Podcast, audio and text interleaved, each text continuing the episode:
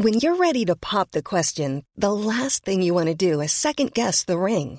At Bluenile.com, you can design a one of a kind ring with the ease and convenience of shopping online. Choose your diamond and setting. When you find the one, you'll get it delivered right to your door. Go to Bluenile.com and use promo code LISTEN to get $50 off your purchase of $500 or more. That's code LISTEN at Bluenile.com for $50 off your purchase.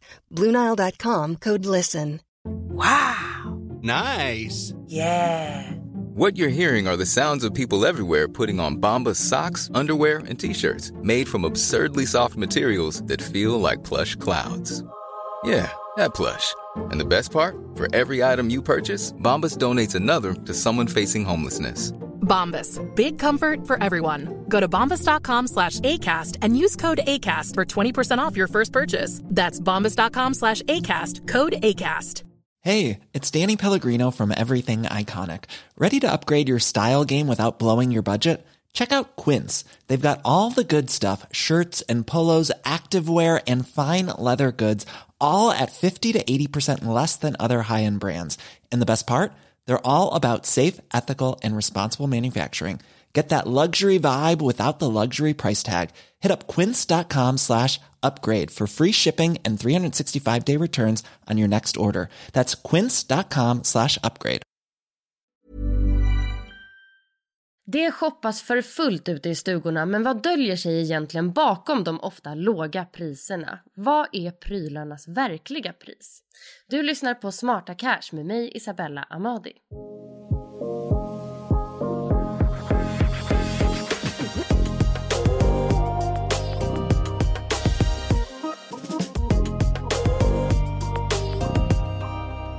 December är shoppingens storhetstid med jul och nyår som får oss att glatt spendera våra slantar. Men frågan är hur glad kan man egentligen vara när man tar sig en titt på hur de människor som tillverkat produkterna har det? Gäst idag är Hewan Temesken som är generalsekreterare på Fairtrade. Välkommen Hewan! Men tack så jättemycket, roligt att få vara här. Tack för inbjudan.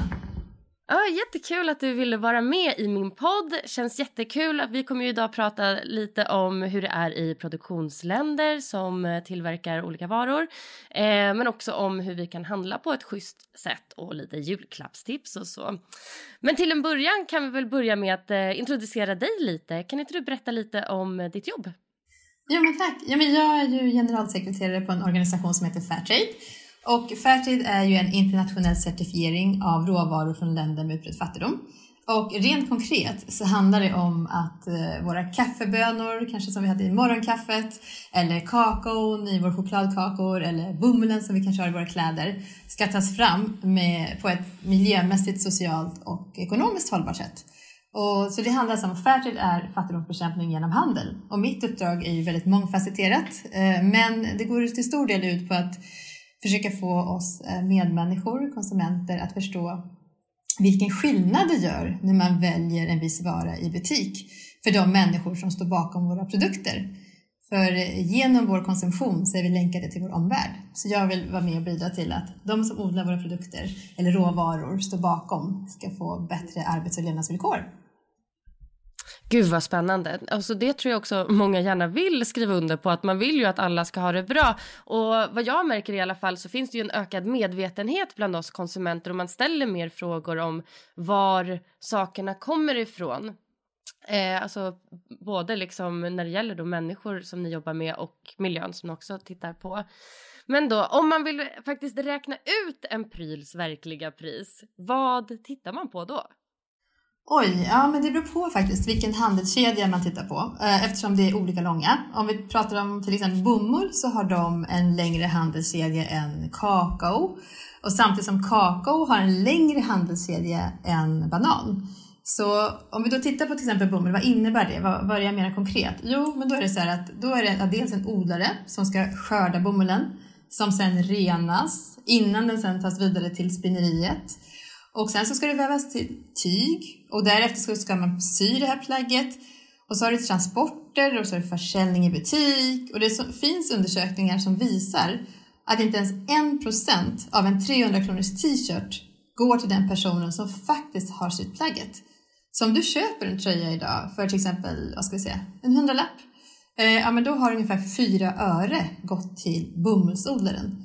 Så när man tittar på den här helheten, och jag vet att det inte är något kanske rakt svar på din fråga, men den beskriver komplexiteten.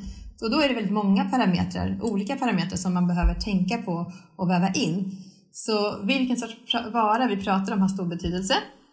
Men om man också tänker på så här, hur många människor är det som är inblandade för att tillverka den här specifika varan eller produkten. Ja, för då inser man också att det är många som ska dela på kakan. Och allra minst tjänar de som odlar råvarorna.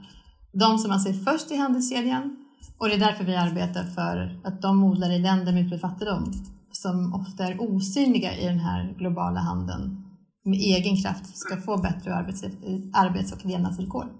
Eh, så, det, så skulle jag väl faktiskt kunna svara på den frågan. Så det är inte så enkelt när man pratar om en pris, verkliga pris. Mm.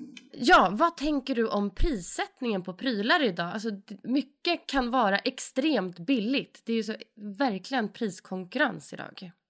Ja, men absolut. Alltså väldigt mycket av det vi köper är ju faktiskt billigt i relation till alla aktörer som ska få sin del av kakan, kan man säga, sin beskärda del i handelskedjan.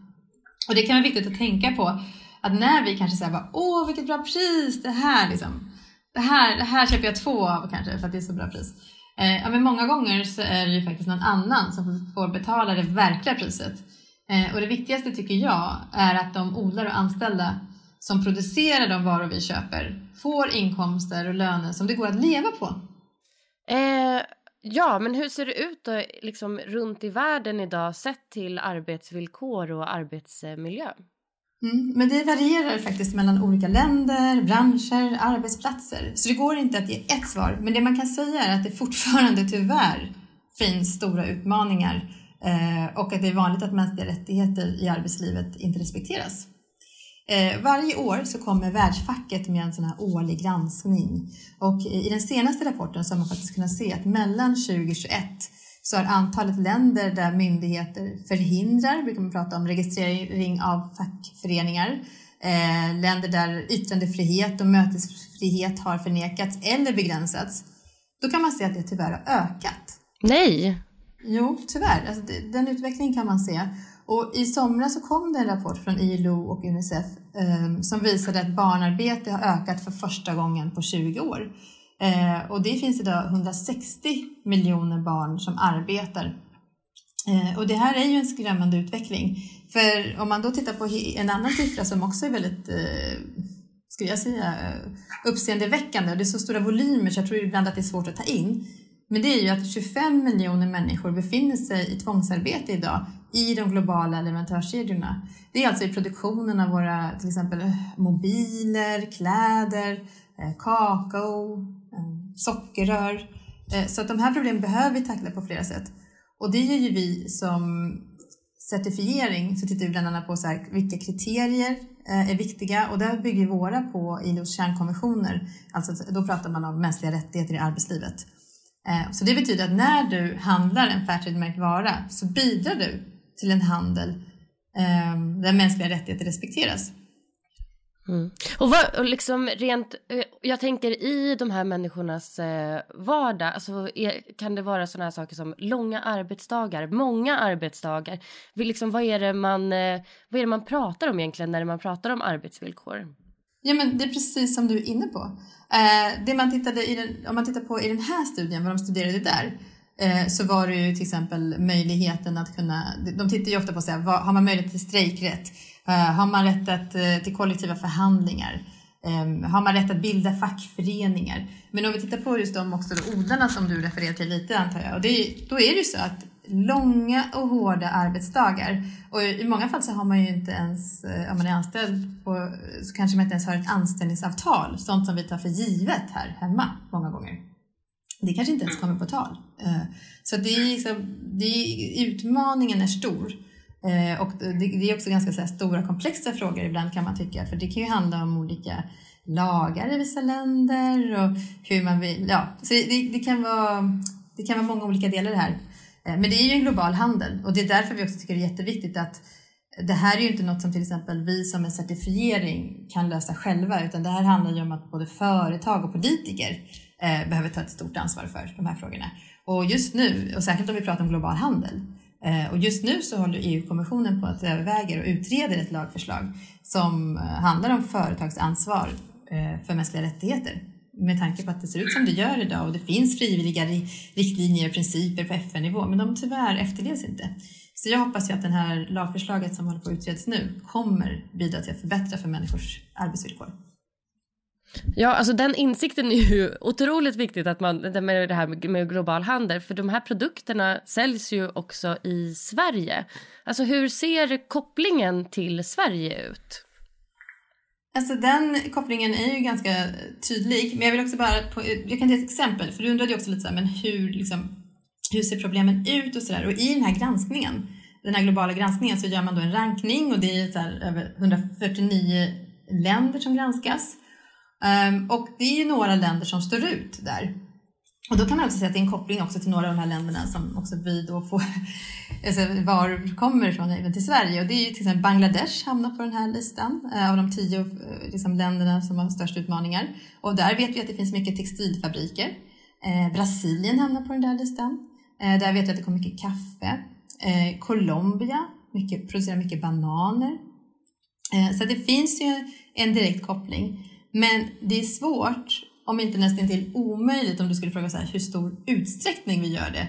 Eh, men vi kan konstatera att vi gör det, att många av de produkter vi handlar inte tillverkas på ett schysst sätt. Ehm, och i Sverige, det, det, jag vet inte om många känner till det, men vi importerar faktiskt till störst del från Europa. Ehm, för Europa står för ungefär 84 procent av all Sveriges import. Men i den statistiken så döljer det sig ju också såklart att import från andra länder, för det vi köper från Europa kan ju till viss del också vara gjort av råvaror från andra länder. Det där jag har tänkt på. Väldigt ofta så kan det stå också, ja men typ förpackat i Italien men bönor från, ja, någon annanstans ifrån. Men då räknas det alltså som att man har importerat det till Sverige från EU. Ja, det beror på precis om det kommer direkt vilket land som är. För många gånger är ju de här, de här, de här så de globala leverantörskedjorna de sträcker sig ju mellan olika, olika kontinenter många gånger, olika länder. Du kan ju sitta med en vara som tror är producerad i ett närliggande land, men så är det tusen, alltså många, många råvaror i den produkten som är från alla världens hörn. Så det är absolut rätt identifierat. Det är inte lätt att veta exakt var en vara kommer ifrån. Och det är också därför det finns ett viktigt behov av att vara mer transparenta kring det. Um, och sådär. För att, men en sak som jag tror att många vet, apropå din fråga om så här, vilket land vi importerar ifrån och hur det ser ut och så, så är ju, Kina är ju absolut ett av de länder vi importerar mest ifrån. Och eh, det är nog ingen överraskning för någon.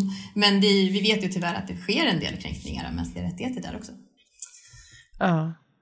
Ja, det är ju det. Det är ju väldigt, väldigt berörande när det kommer upp till ytan. Och eh, ja, men ganska nyligen nu i höstas så publicerade sig ett jättestort reportage eh, där många av de, de här svenska stora kedjorna visade sig då eh, handla med fabriker där det förekom både tvångsarbete och barnarbete. Där man utnyttjade liksom arbetskraften på ett otroligt vidrigt sätt. Alltså, vad tänker du om det?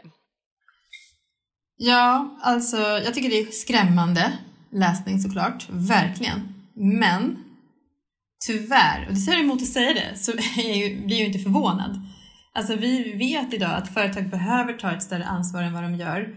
Eh, för det finns liksom inte någon svensk eller europeisk eller internationell lagstiftning som håller företag ansvariga så när mänskliga rättigheter inte respekteras i deras leverantörsled.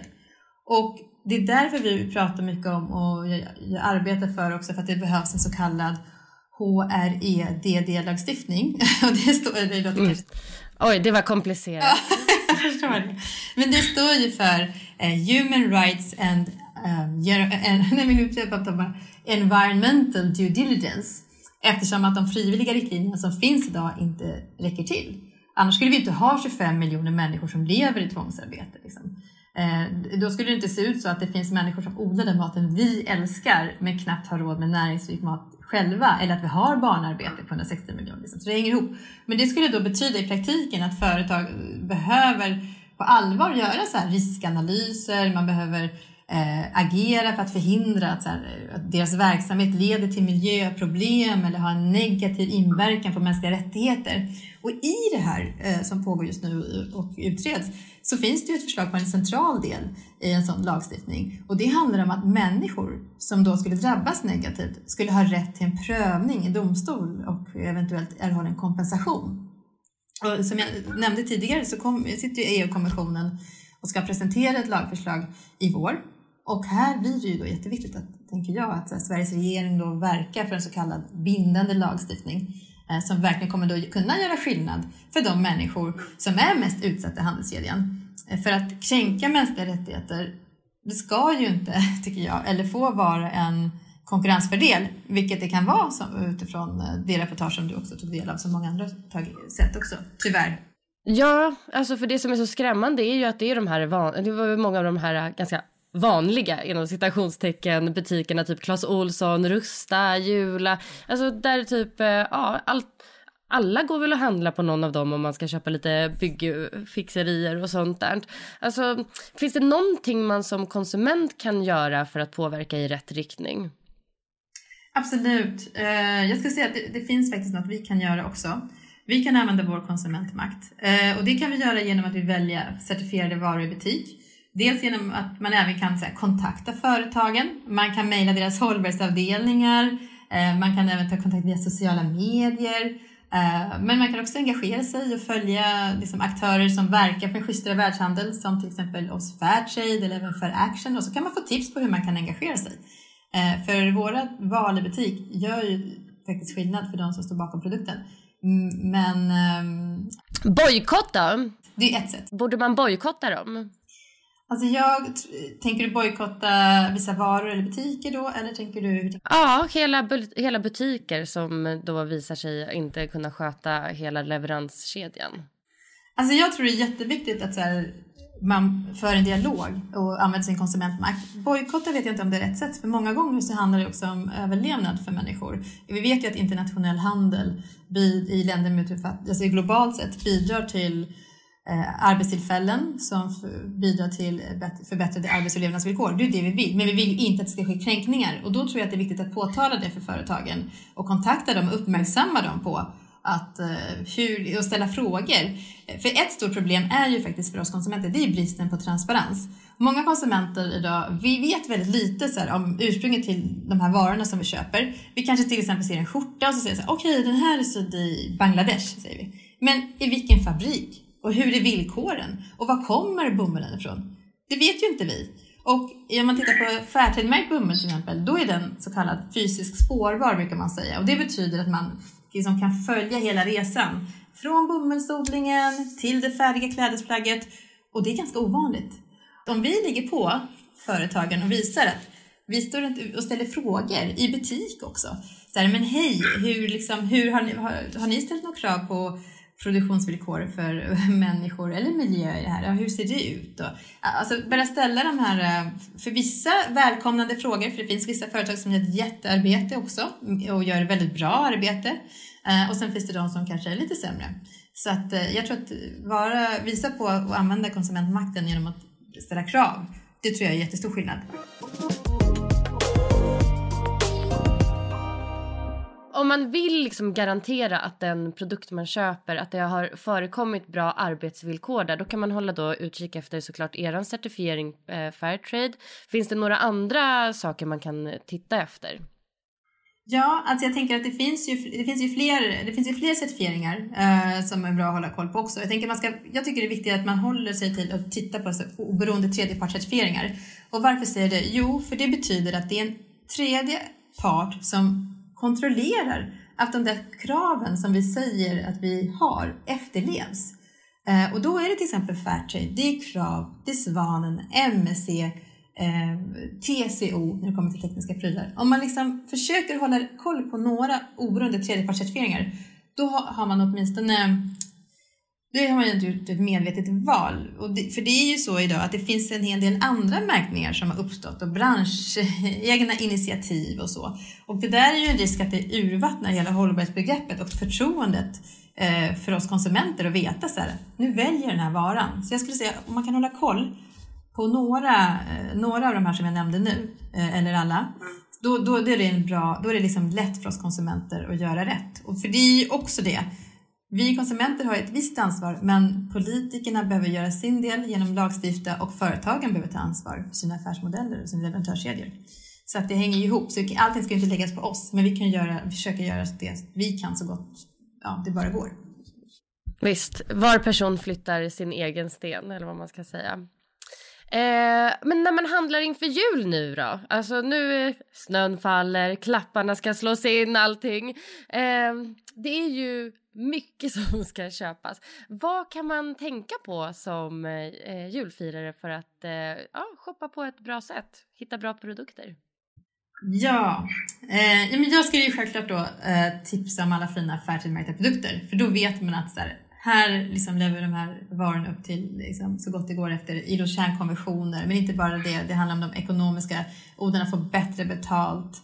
Eh, ja, men vi vet att det är förbud mot barnarbete, tvångsarbete och så. Så det handlar ju om i så fall att välja eh, med omtanke.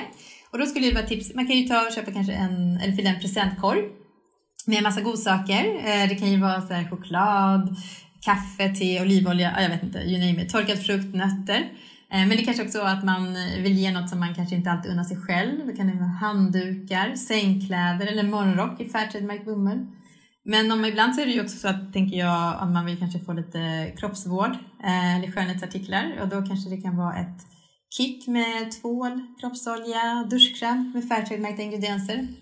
Eh, men också om man vill ge bort kläder så finns ju det faktiskt i Fairtrade-märkt bomull och det kan vara t-shirts, jeans, skjortor. Så mitt budskap skulle väl vara med andra, så här, välj en present av omtanke för den som ska få presenten, men även med omtanke för den som står bakom produkten. Så blir det dubbel omtanke inför jul. Ah, mysigt! Men om man, om man köper, jag tänker nu eh, om man köper någonting som har tillverkats i Sverige, kan man eh, känna att det är liksom en schysst produkt?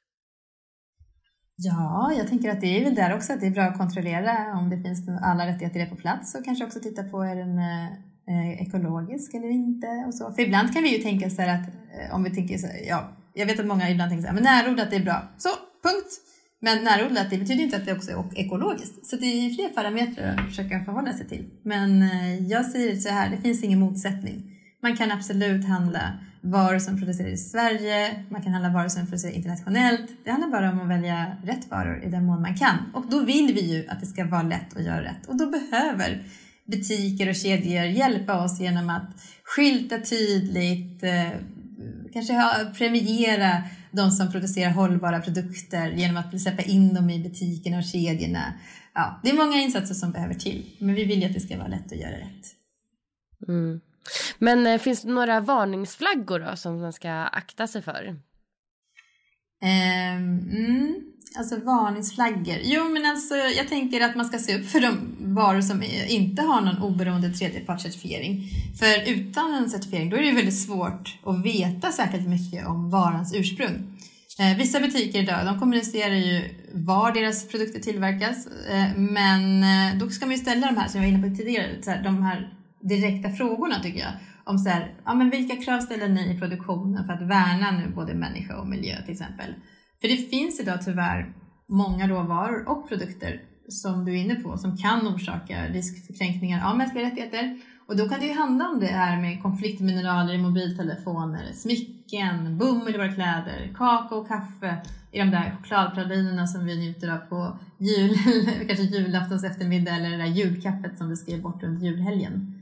Så varningsflaggarna skulle jag säga, det är väl snarare de som inte har en oberoende tredjepartscertifiering, för de vet vi liksom ingenting om. Mm, just det. Men jag tänker lite nu ur plånboksperspektivet också. Alltså blir det inte mycket, mycket dyrare att bara köpa massa fairtrade och ekologiskt och liksom bra grejer? Ja, men det är absolut en väsentlig fråga.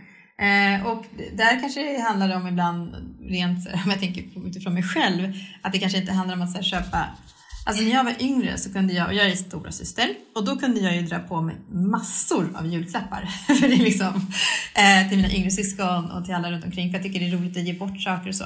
Idag skulle jag nog resonera lite annorlunda. Kanske tänka mera eh, färre, mer kvalitet, eh, Att det liksom, och då kanske det får kosta lite mer. Eh, och att det är hållbart producerat. Det är sådana saker som kanske spelar mer roll nu än mängden och volymen. Eh, så jag skulle vilja säga att eh, om du till exempel väljer Fairtrade så kan det kosta lite mer och det beror på, helt enkelt på att odlarna får mer betalt. Det handlar om att de får dels ett minimipris som ska täcka deras produktionskostnad så att de inte gör en ekonomisk förlust, vilket de gör allt för ofta idag beroende på världsmarknadspriset och så vidare. Eh, men de får också en extra premie som betalas och det går ju till så lokala investeringar. Så att man kanske behöver bygga en skola eller satsa på infrastrukturen eller att man vill ställa om till ekologiskt jordbruk och då får man en extra betalning till exempel för att uppmuntra det. För de behöver ju också mer betalt för att kunna ställa om med tanke på klimatförändringarna. Men det behöver inte alltid vara så att priserna på Fairtrade-märkta varor eller andra märkningar är eh, lägre eller högre, utan det kan vara samma som konventionella varor. Men då kan det också handla om att företagen har köpt in stora volymer eller att de har en uttalad strategi kanske att jobba med social hållbarhet och då kan det påverka prissättningen. Så det är många faktorer som påverkar prissättningen men det är inget som vi på Fairtrade styr utan det som är viktigt att veta är till exempel att odlarna har fått en högre betalning oavsett vad varan kostar i butik och det är butikerna och kedjorna som sätter priset. Så jag tror att man får välja, liksom, man får göra sina medvetna val där och kanske se vad är viktigt för mig. Mm. Just det, det kan ju också vara bra för att liksom ta höjd för i sin budget om man väljer att liksom, ja, men fokusera mer på ja, men det här hållbara konsumtionen. Men då kanske man får höja den kvoten lite i sin budget tänker jag.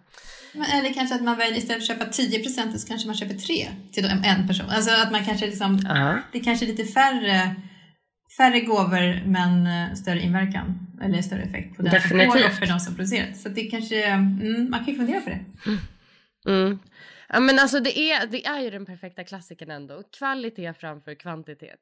Det gillar vi. Det gillar vi, absolut. Eh, men eh, okej. Okay. En tanke till också. Mm. Jag tänker också så här, att det också hänger ihop. Man måste också vara ödmjuk. Vi alla har olika ekonomiska förutsättningar. Så jag tänker att var och en måste göra det som fungerar för en. Så det får inte heller bli så att, eh, det är ingen som som ska sätta sig till doms utan alla får göra det man kan och, och klarar av, tänker jag. Så att det inte heller blir att man går där inför jul och känner något så här, du vet, um, sin, eh, sig otillräcklig för att man inte ger tillräckligt många julklappar eller att man ger fel julklappar. Jag tror att vi måste börja i det lilla och var och en måste utgå från sina egna förutsättningar. Mm, ja, alltså man ska vara snäll mot sig själv. Men samtidigt eh, så är det ju jättebra att liksom fatta medvetna beslut eller ja, ha information i grunden.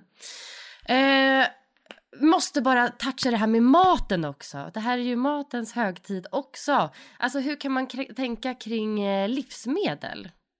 Jo, men jag skulle säga att det är lite så här beroende på vad som är viktigt för en. Alltså vad vill man bidra till genom sina köp? Eh, men återigen, jag, jag, förstår att jag kanske låter lite tjatig, men det kanske är okej, okay, för då kanske jag ändå fram mitt budskap. Men jag skulle vilja lyfta, återigen, väl utifrån oberoende tredjepartscertifieringar, som exempelvis Fairtrade eller Krav eller MSC om vi pratar just livsmedel. För då vet man så här, ja men här, liksom, men man måste fundera på så här, vad är viktigt för mig? Är det viktigt för mig att jag handlar ekologiskt till exempel?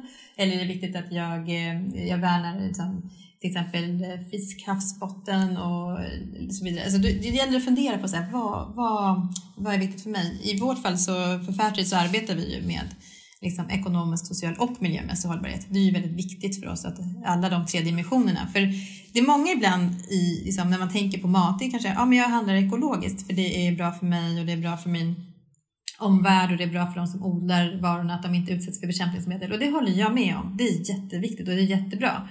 Men ibland så kan vi också tänka att, eller man kanske inte förstår att det är en omställning som behövs för att odla ekologiskt. Och, då, och har du inte råd med till exempel näringsrik mat på bordet som odlare själv, eh, då, eller låta dina barn gå i skolan, då är det väldigt långt att börja tänka på att du ska investera i ett hållbart jordbruk. Och därför behöver du då få ekonomiska incitament för att ställa om ett jordbruk och ha råd med det. Och därför brukar jag säga så här att det börjar liksom med Fairtrade. Om man, inte har, man måste liksom få råd med näringsrik mat, man måste ha råd att låta barnen gå i skolan för, och sen också få stöd i att eh, investera i ett hållbart jordbruk. För investerar man inte i jordbruket, ja, men då är det ju väldigt svårt sen att en, jordbruket i sin tur ska ge den avkastning i form av livs, livsmedel, eller säga, eh, eh, vad det kan vara nu, om det är kaffe eller banan vi pratar om, att få att jorden inte ska bli ur, urvattnad. Så man måste liksom investera i jordbruket för att man ska kunna fortsätta producera eh, mat helt enkelt. Så det hänger ihop, så man kan liksom inte heller bara fokusera på ett hållbarhetsben utan man behöver tänka på helheten, ekonomisk, social och miljömässig hållbarhet. Det ena be behöver det andra, annars så blir det ingen helhet. Alltså, jag får den här känslan, it is all connected. Ja, precis så. Ja, men det är verkligen så. Det är så. Mm, it's all connected. Precis som vi människor också är connected till varandra. Ja, nej men sluta. Gud, nu är det. nu är det i kvadrat här. Alltså jätte, jättestort tack för den här upplysningens halvtimme med dig, Hewan. Ja, men tack för att jag fick komma. Jätteroligt att få vara med. Jag hoppas verkligen att jag har kunnat hjälpa till med att ge en liten, helhet, en liten bild av den stora helheten. Mm. Definitivt. Och om man vill lära sig ännu mer eller eh, följa ert arbete, var hittar man det då? Vi finns på alla sociala kanaler som finns. Och vi har hemsida fairtrade.se, vi finns på Instagram, LinkedIn, ja, överallt utom TikTok skulle jag väl säga kanske, att vi inte finns på i dagsläget. Men vem vet? Ja, ja. man vet aldrig. Eh, jag finns inte heller på TikTok, men på eh, Smarta Cash Podcast på Instagram. Och man kan också mejla mig på smartacashpodcast.gmail.com. Stort tack till dig som har lyssnat. Hej då!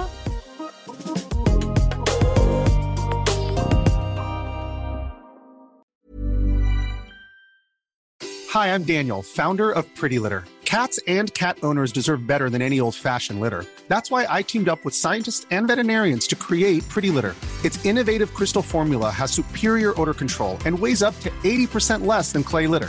Pretty Litter even monitors health by changing colors to help detect early signs of potential illness. It's the world's smartest kitty litter.